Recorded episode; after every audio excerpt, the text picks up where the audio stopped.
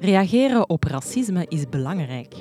Maar hoe doe je dat met impact? Ik zie dat u hen controleert en mij niet. Is daar een bepaalde reden voor? Hoe zorg je ervoor dat dit in de toekomst minder voorkomt en dat de persoon waarop het gericht is zich ondersteund weet door je tussenkomst? In deze podcast bespreken we enkele strategieën om impactvol te reageren op racisme. Een witte persoon die een andere witte persoon aanspreekt, wordt ook meer geaccepteerd. We willen impact bereiken op de manier waarop mensen met elkaar omgaan. Krijg zicht op uw eigen racisme.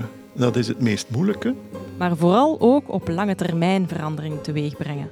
Je woont allemaal in een paar straten van elkaar rond die school. En dan toch, als er vriendjes komen spelen, zijn dat eigenlijk tot nu toe de witte vriendjes geweest. Want racisme gaat verder dan een uitspraak van een enkeling op een slechte dag. Het is een systemisch probleem.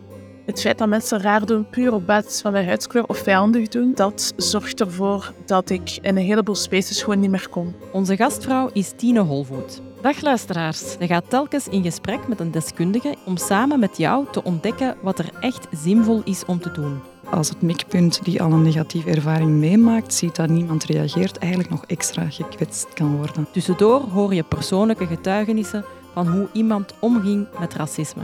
Soms door een toeschouwer, soms door een doelwit en soms door personen die iets ondernemen in hun eigen leef- of werkomgeving.